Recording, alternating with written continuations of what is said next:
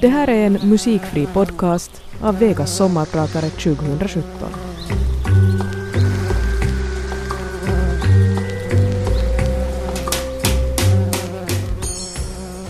En bild som cirkulerat på olika vänsterorienterade memsidor på nätet. En man i 30-årsåldern stöder pannan mot handen. Han ser plågad ut. En kvinna i beige tröja och stiliga glasögon med anteckningsbok i knät ser på mannen med medlidande. Ovanför fotografiet står mannens och kvinnans engelskspråkiga dialog textad i svart på vit bakgrund. Terapeuten. Så berätta, varför har du svårt att sova om nätterna? Mannen. Den här planeten dör, ett tredje världskrig verkar allt mer sannolikt, de rika blir fräckare för var dag som går och arbetarklassen saknar både klassmedvetenhet och parti. Terapeuten. Holy shit. Jag heter Johannes Ekholm. Mannen på bilden kunde vara jag och jag är din sommarpratare idag.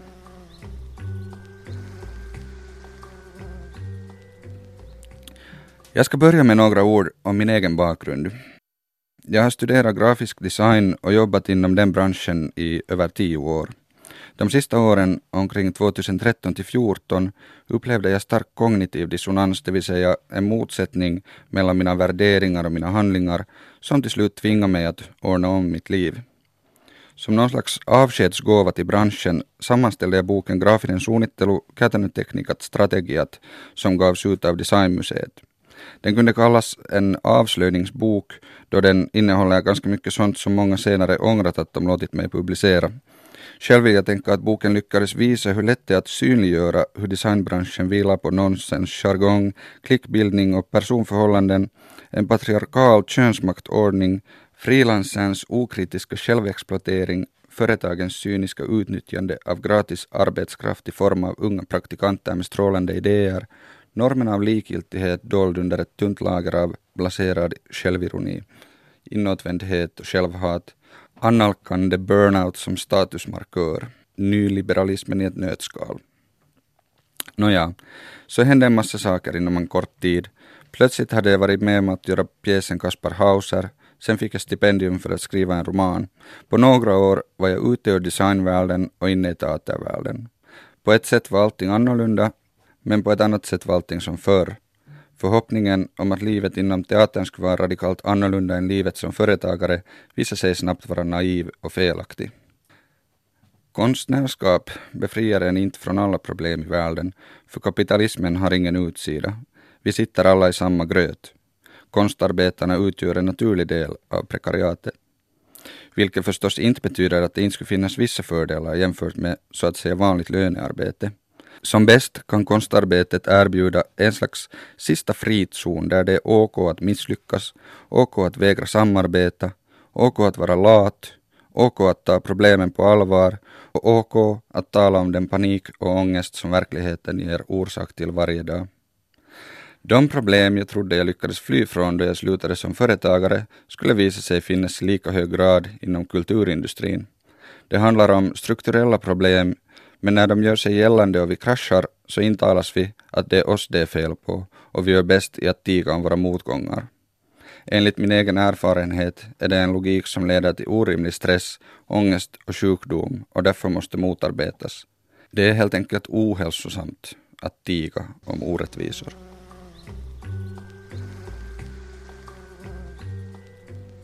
Jag vill idag försöka formulera någon slags påstående om ett fenomen som i engelskspråkiga samband kallas culture war, på svenska eh, kulturkrig eller kulturkamp. Det handlar om en konflikt mellan konservativa och progressiva värden och ett dramatiskt skifte och en polarisering i frågor om till exempel olika minoriteters rättigheter. Jag ska ta som exempel en teaterföreställning så förra hösten. Reflektera lite kring vad jag upplevde som problematiskt och utifrån de tankarna försöka härleda någon slags lekmannaanalys om vilka teaterarbetets största utmaningar är för tillfället och sen ta upp några exempel på annorlunda arbetssätt. Mellan åren 2014 och 2017 har jag haft förmånen att få arbeta med många begåvade konstnärer och att delta bland annat i projekt REKO vars syfte är att stödja utvecklingen av svenskspråkig dramatik i Finland. Projektet drogs av Marina Meinander, chef för Lilla Teatern, och Arn-Henrik Blomqvist, dramaturg och regissör. Vad jag förstått undervisar båda på TEAK. Det var i samband med REKO-projektet som jag såg föreställningen Wellbeck? frågetecken, som jag nu ska tala om. Enligt programbladet var det ett unikt samarbete mellan Teaterhögskolan, Siriusteatern och institutet. Regissör var Anders Karlsson, professor för utbildningsprogrammet i skådespelarkonst. Jag satt i första raden, nästan i mitten där min närvaro högst sannolikt registrerades av skådespelarna som stod bara några meter ifrån. Så jag övervägde ganska länge mitt beslut innan jag efter ungefär en halvtimme, så tyst och obemärkt som möjligt, smög mig ut. Jag bara kände, jag vill inte se det här. Varför? Föreställningen börjar snyggt, med en vit duk utbredd på golvet som en öken. Här och där små högar med mjukisdjur. På bakväggen hänger ett porträtt på den franska författaren Michel Houellebecq, en sträng liten man. Hans blick liksom övervakar eller välsignar, som porträtten på presidenter och kungar i offentliga byggnader. En batteridriven hund hasar hjälplöst fram stannar ibland upp och gläfser. En vit medelålders man i små underbyxor står med en kappsäck i handen. Hunden är för människan en kärleksmaskin, förklarar han, medan de andra skådespelarna gymnastiserar i bakgrunden. Vad som följer är lösryckta utdrag ur Welbecks verk, nästan uteslutande rasistiska och sexistiska påståenden, bodyshaming och antisemitism. I en replik säger en av männen om hon inte ger dig sin kärlek, vad är det värdefullaste hon har? Sin skönhet? Nej, sitt liv. Med andra ord, om kvinnan inte ger sex kan hon i alla fall dödas. Senare, när jag frågar en manlig kollega som också sett pjäsen ifall han upplevde den provocerande, svarar han nej. Den kändes inte alls provocerande, tvärtom, säger han, kunde han försjunka i den rofulla stämningen och bara njuta av scenbilden. Frågan är borde innehållet alltså ha varit ännu mer överdrivet misogynt för att lyckas provocera honom, eller kanske satiren eller vad det nu var, var felriktad. Vem fick känna sig trygg och vem fick inte? Min poäng är, jag behöver inte ytterligare påminnas om att tankar som det här existerar. Jag behöver inte bättre förstå rasisternas rädslor för att veta vad det är de vill åstadkomma.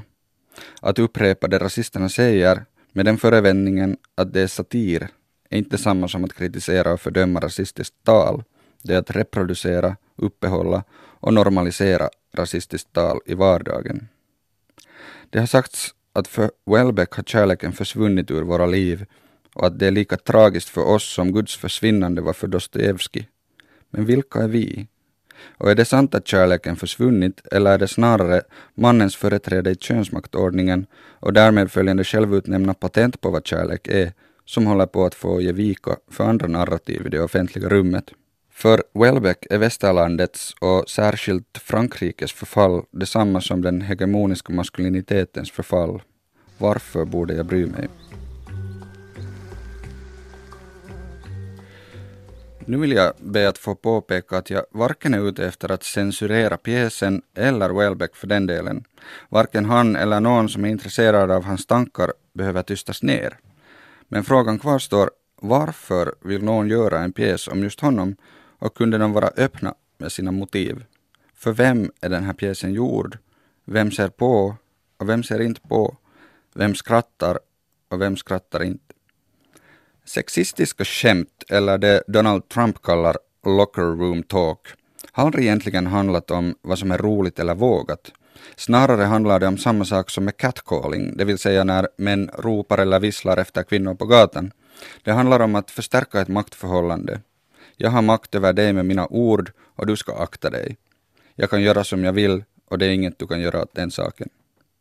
En fras Anders Karlsson upprepat i intervjuer Don't try to cure the disease, explore the symptoms tycker jag att i det här sammanhanget börjar låta väldigt opportunistiskt med kolonialistiska undertoner. Är det verkligen det skolan vill kommunicera? Försök inte ändra på något. Dra nytta av status quo. Gör det bästa av ert förtryck. Avbryt aldrig business as usual. Följande dag på rekokursen diskuterades pjäsen. Du vet väl att det är jätteförnedrande för skådespelarna när någon går ut mitt i, påpekade Marina.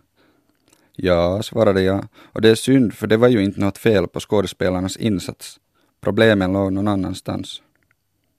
Jag försökte inom ramen för kaffet före kursprogrammets början sammanfatta ungefär de här samma sakerna jag nu får lägga ut i betydligt längre form. Oj, det hade jag inte tänkt på, var Marinas reaktion. Men hej, vilken bra diskussion, var Arn-Henriks slutsats. Många var överens om att problemet är att det inte finns tillräckligt med kunskap. Att det här är nya saker, vi kunde ju inte veta. White innocence kallas det argumentet. Och här som en liten parentes, om det är någon där i andra änden av radiotrådarna som inte fattat att Finland också har en kolonialistisk historia, så vill jag rekommendera Terike Haapojas utmärkta text Becoming White som kan hittas på Google. Parentes slut. Jag tycker bara att det är lite underligt och bakvänt att jag, som inte har någon teaterutbildning, ingen position inom skolsystemet, bara läst några artiklar på nätet och sett en säsong av Dear White People på Netflix, plötsligt ska vara den som vet någonting. Jag menar, vad har ni lärare för, ifall det inte är deras uppgift att veta? Vems uppgift är det att lyfta fram sånt här? Elevernas, lärarnas, kritikernas, publikens? Vem får betalt och vem får inte betalt? Jag heter Johannes Ekholm och jag är din sommarpratare idag. Konstuniversitetets teaterhögskola har en hegemonisk ställning inom utbildningen för teaterkonst i Finland och stort inflytande på hurdant utbud vi har på TV och på scenerna. Skolans uppgift överlag är ju att omforma individer för att möjligast snabbt hitta en plats inom den sociala arbetsdelningen.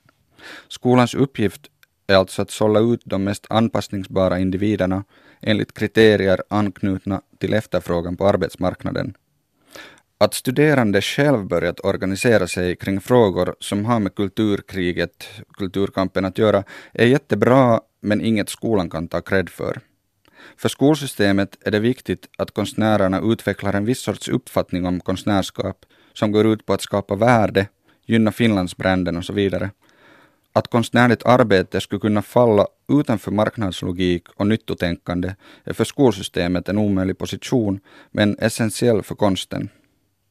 Risken är att en skola som drivs av och tar in främst vita människor utan funktionshinder tillhörande medelklassen blir en slags skyddszon för folk med samma privilegier. Att få växa upp och studera i en miljö som isolerar en från människor som är annorlunda bidrar till fenomenet som kallas white fragility kunde översättas vit ömtålighet, det vill säga oförmåga att ta emot kritik då man sagt eller gjort något rasistiskt. Som när Riku Nieminen blev calloutad på Twitter för att i sitt tv-program uppträda med blackface och först blev superdefensiv och sen drog sig från diskussionen och deletade sina tweeter. Det finns massor med liknande exempel Krista Kosonens och Ina Kustonens rasistiska stereotyper i Putous, upprepandet av n-ordet i flera av Komteatteris senaste pjäser. Man blir helt enkelt häpen. Hur kan det här bara fortsätta? Samma rasistiska gester upprepas gång på gång i vår massmedia, samma kritik framförs, samma påföljande tystnad och om en liten stund samma sak om igen från början. En annan lömsk aspekt av vår mainstreamkultur är vit medelmåttighet och uppfattningen att framgång är något som automatiskt följer på hårt arbete. Meritokratimyten är inte svår att genomskåda. Se bara på Cheek. Han är på alla mätare Finlands mest framgångsrika rappare, men på ingen mätare kan han sägas vara bäst på det han är mest känd för. Som artist har han ju inte utvecklats på tio år ett dyft. Han låter som en kråkskrämma och har en vokabulär som motsvarar en tioårings. Detsamma gäller förstås inom alla former av mainstreamkultur. Det är sällan de duktigaste som får stå i rampljuset, utan de mest privilegierade. Det här är såklart ingen nyhet, det här är en självklarhet. Kulturkampen handlar alltså om makt. Vem har tillgång till makten att bestämma hur vår media och vårt kulturfält ser ut? Hur har de kommit åt den makten och hur uppehålls och reproduceras maktförhållandena? Vems synvinkel är viktig? Vems upplevelser är värda att lyssnas på? Vem får känna sig trygg? Och vem får inte känna sig trygg? Kulturkampen handlar alltså om en politisk konflikt. Någon har en agenda och någon annan har en annorlunda agenda. Det är politik. Jag blev i en intervju för Studentbladet tillfrågad om jag tror att jag kan åstadkomma verklig politisk förändring just genom teater. Vad är det den här frågan implicit försöker påstå? Vad borde en teaterföreställning ens försöka åstadkomma? Om jag vill få verklig politisk förändring till stånd, är teatern då rätt redskap? Varför hakar jag upp mig på den här enkla frågan?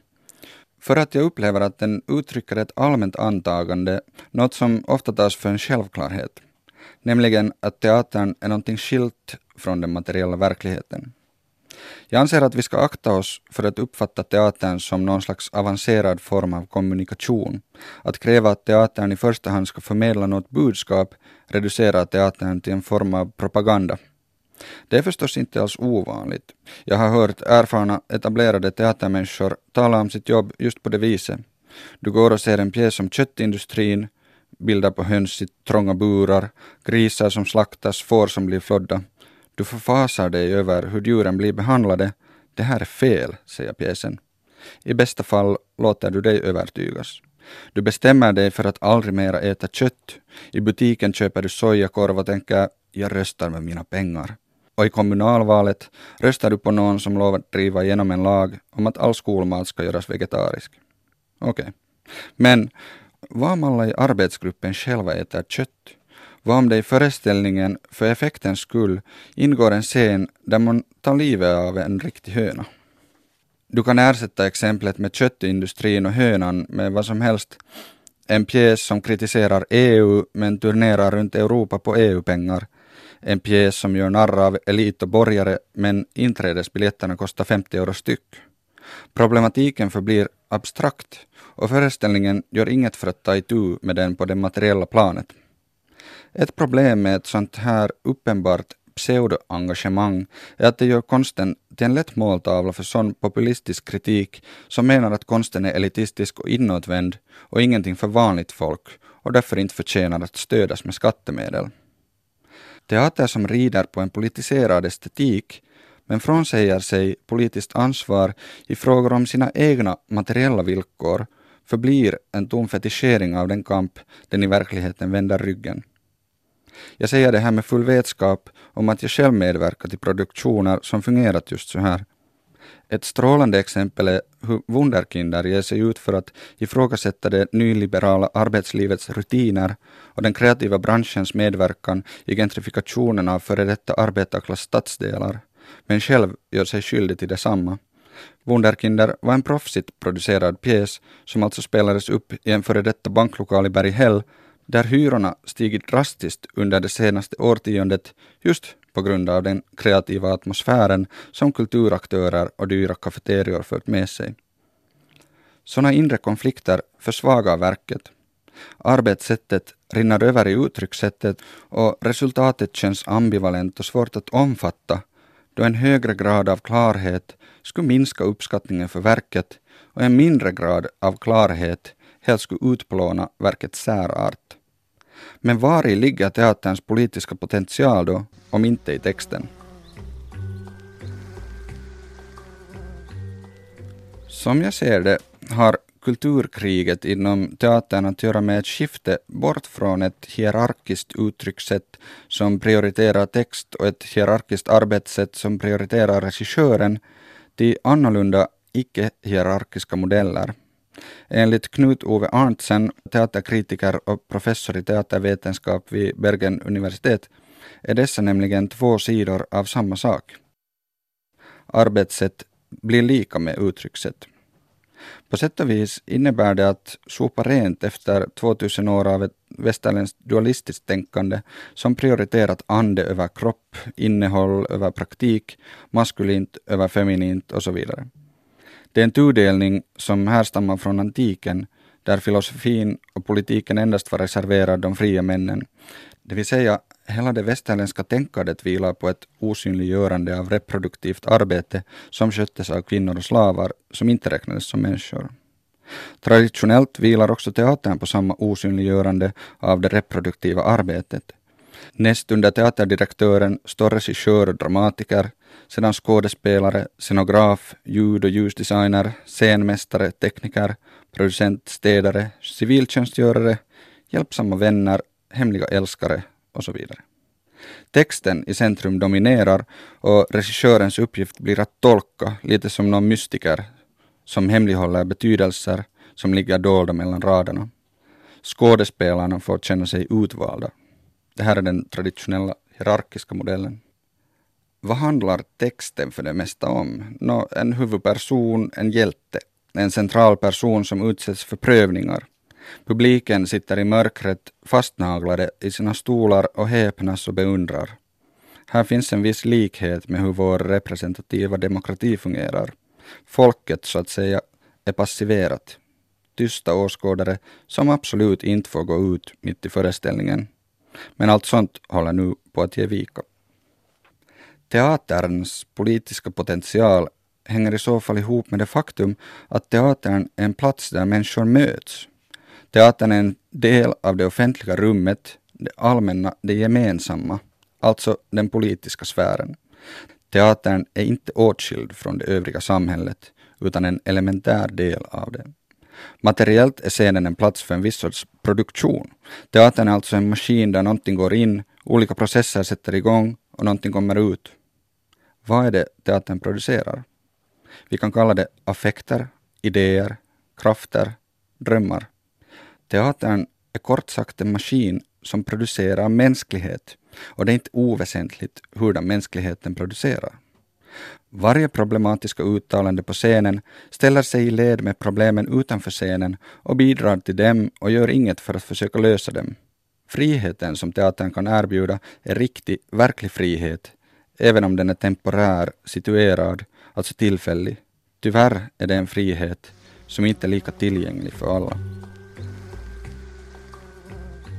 Vad skulle hända om alla skådespelare skulle upphöra att lyda när regissören ger sådana order som känns kränkande eller problematiska? Varför låter det så otänkbart? Vad skulle hända om alla arbetare i alla yrken och situationer skulle vägra acceptera orättvisa arbetsförhållanden? Varför låter det så otänkbart? Varför anses det viktigare att utbilda studerande inom konstämnen till att uthärda sånt som känns motbjudande istället för att utbilda till att utforska vad som känns lockande? I vems intresse ligger det? Varför måste konstutbildningen anamma näringslivets idéer om professionalism? Professionalism går ut på att vi måste lära oss att välja vårt eget förtryck, lära oss att trivas i vårt fängelse, göra vårt jobb till vår passion, finna glädje i självförverkligandet inom givna ramar och försvara vårt slaveri som om det handlade om vår frihet.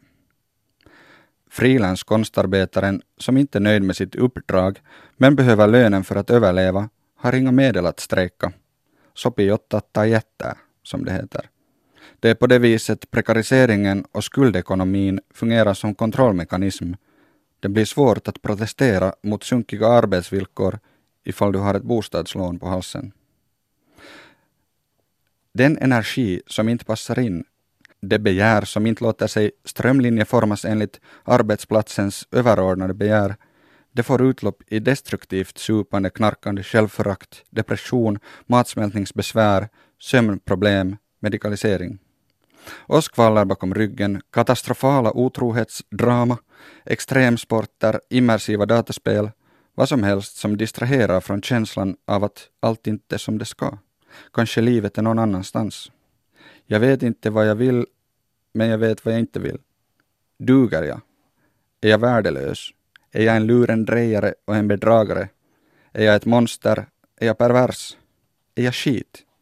Vad som helst som tystar ner den inre sabotören som hela tiden skriker för full hals Ja, ja, ja, du är skit. Tro aldrig att du är någon. Tro aldrig att du kan bli någon. Jag tror att det är under sådana här omständigheter som vi blivit så beroende av att få bekräftelse, få höra att vi duger, få positiv feedback, få höra att vi behövs. Det är det behovet socialmedieföretag cashar in på. Ett behov som lätt förvrider motiven bakom konstnärligt arbete. Vi börjar koncentrera oss endast på vår sociala roll, vårt brand kunde man säga.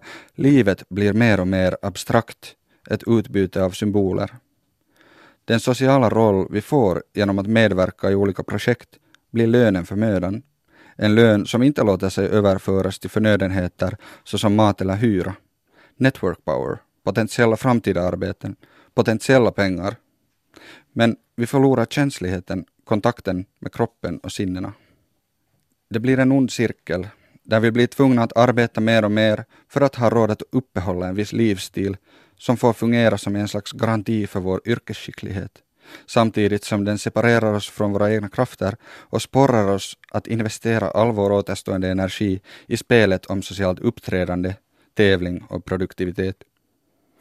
Jag kommer att tänka på en annan bild på nätet.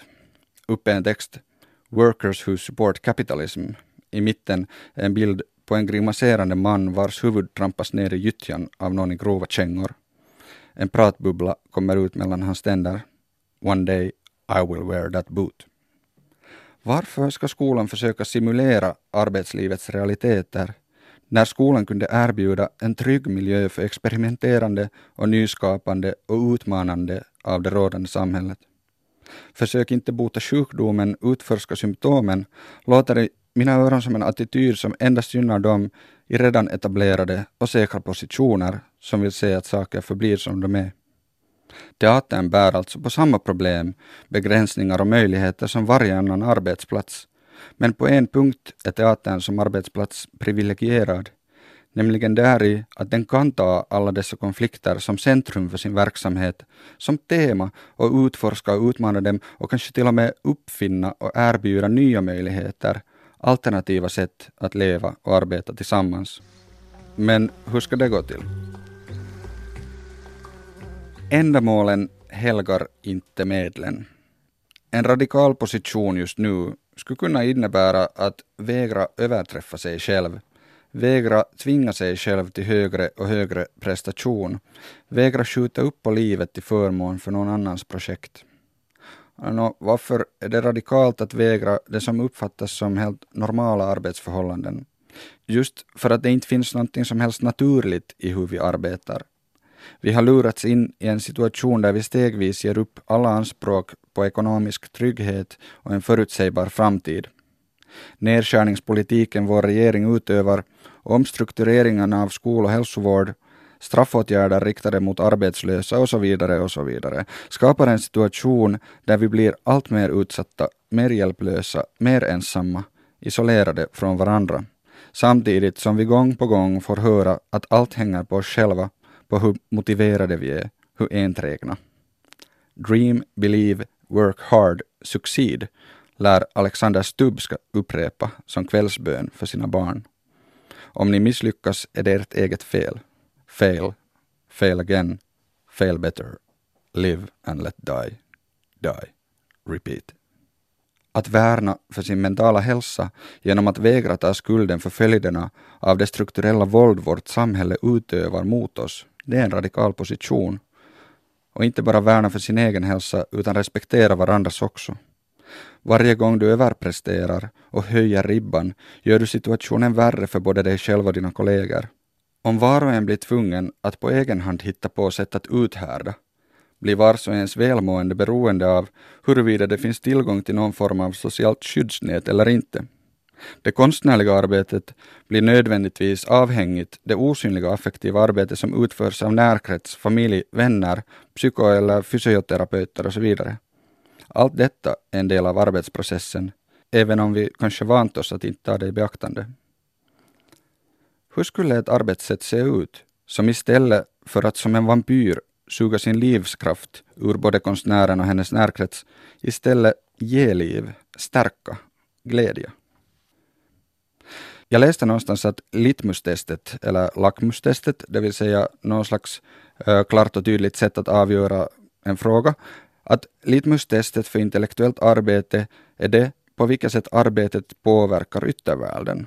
Inte bara vad som händer inom gränserna för en akademisk krets eller en professionell scen, hur det konstnärliga arbetet anknyter till den värld vi lever i. På den frågan lär Walter Benjamin, en av Frankfurtskolans filosofer, ha haft som kriterium att hans arbete måste vara totalt obrukbart för fascismens ändamål. Skulle ett sådant kriterium kunna vara riktgivande för oss teatermänniskor också?